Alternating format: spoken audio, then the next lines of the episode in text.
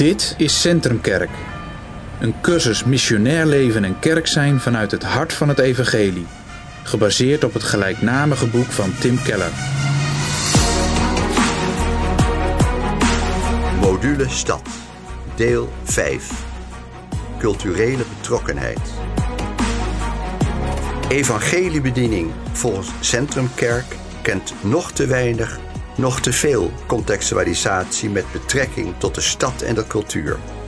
Omdat de stad zowel mogelijkheden schept voor de bloei van de mens als voor verafgoding van de mens, kent onze bediening een balans, waarbij wij het evangelie gebruiken om de cultuur zowel te waarderen als uit te dagen om in overeenstemming te komen met Gods waarheid. 16. Hoe de kerk de cultuur benadert. In de vorige aflevering zagen we dat de pietistische benadering van de cultuur door veel orthodoxe gelovigen is losgelaten. In plaats daarvan ontstond onder jonge orthodoxe gelovigen eind jaren 90 van de 20e eeuw een nieuwe trend: de missionaire kerk. De missionaire beweging is echter snel uiteengevallen in talloze stromingen. Breekpunt blijkt vaak de vraag hoe het christelijk geloof aan de cultuur gerelateerd moet worden. In deze aflevering zetten we de verschillende modellen naast elkaar. De beste aanpak om met de cultuur om te gaan is een zorgvuldige balans tussen verschillende uitersten. Elk model sluit aan op een belangrijke waarheid en besteedt tegelijk te weinig aandacht aan andere belangrijke punten. Bijbels gezien is elk model in zijn zuivere vorm niet in balans.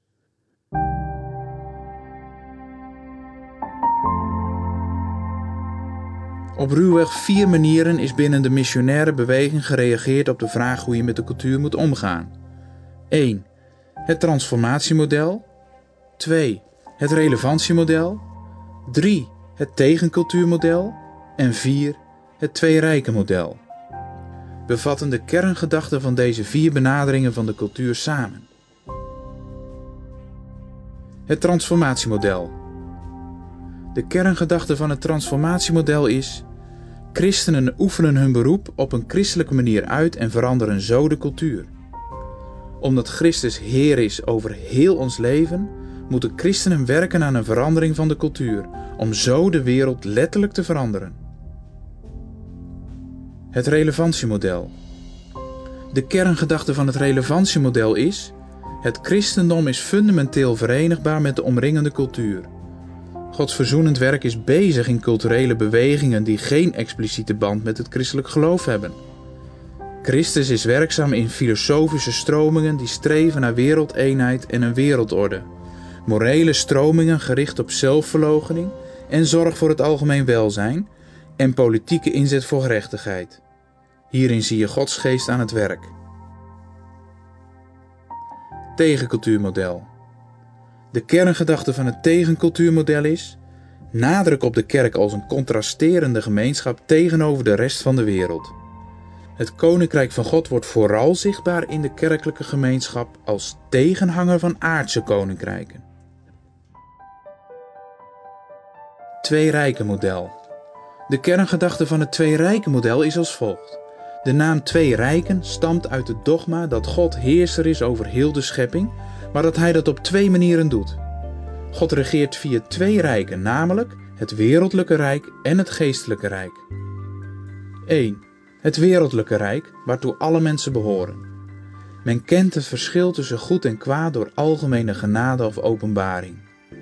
Gelovigen moeten geen bijbelse normen aan de samenleving opleggen, maar in plaats daarvan een beroep doen op de algemene opvattingen over wat goed, waar en mooi is.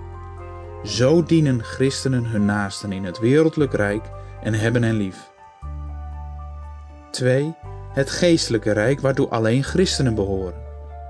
Zij worden geregeerd door de bijzondere openbaring van Gods woord en worden in de kerk gevoed met het woord in de sacramenten.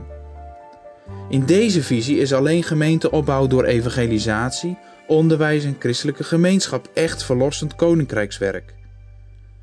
Voor aanhangers van dit model is het grootste probleem van de huidige tijd de vermenging van de twee rijken.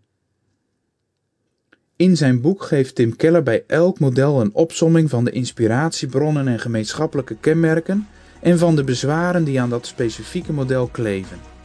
Hij stelt zich vervolgens de vraag hoe elk van de vier modellen kan leren van de inzichten van de andere drie. Hoe ontstaat er een betere balans in het denken over de verhouding van Christus en de cultuur? Daarover gaat de volgende aflevering.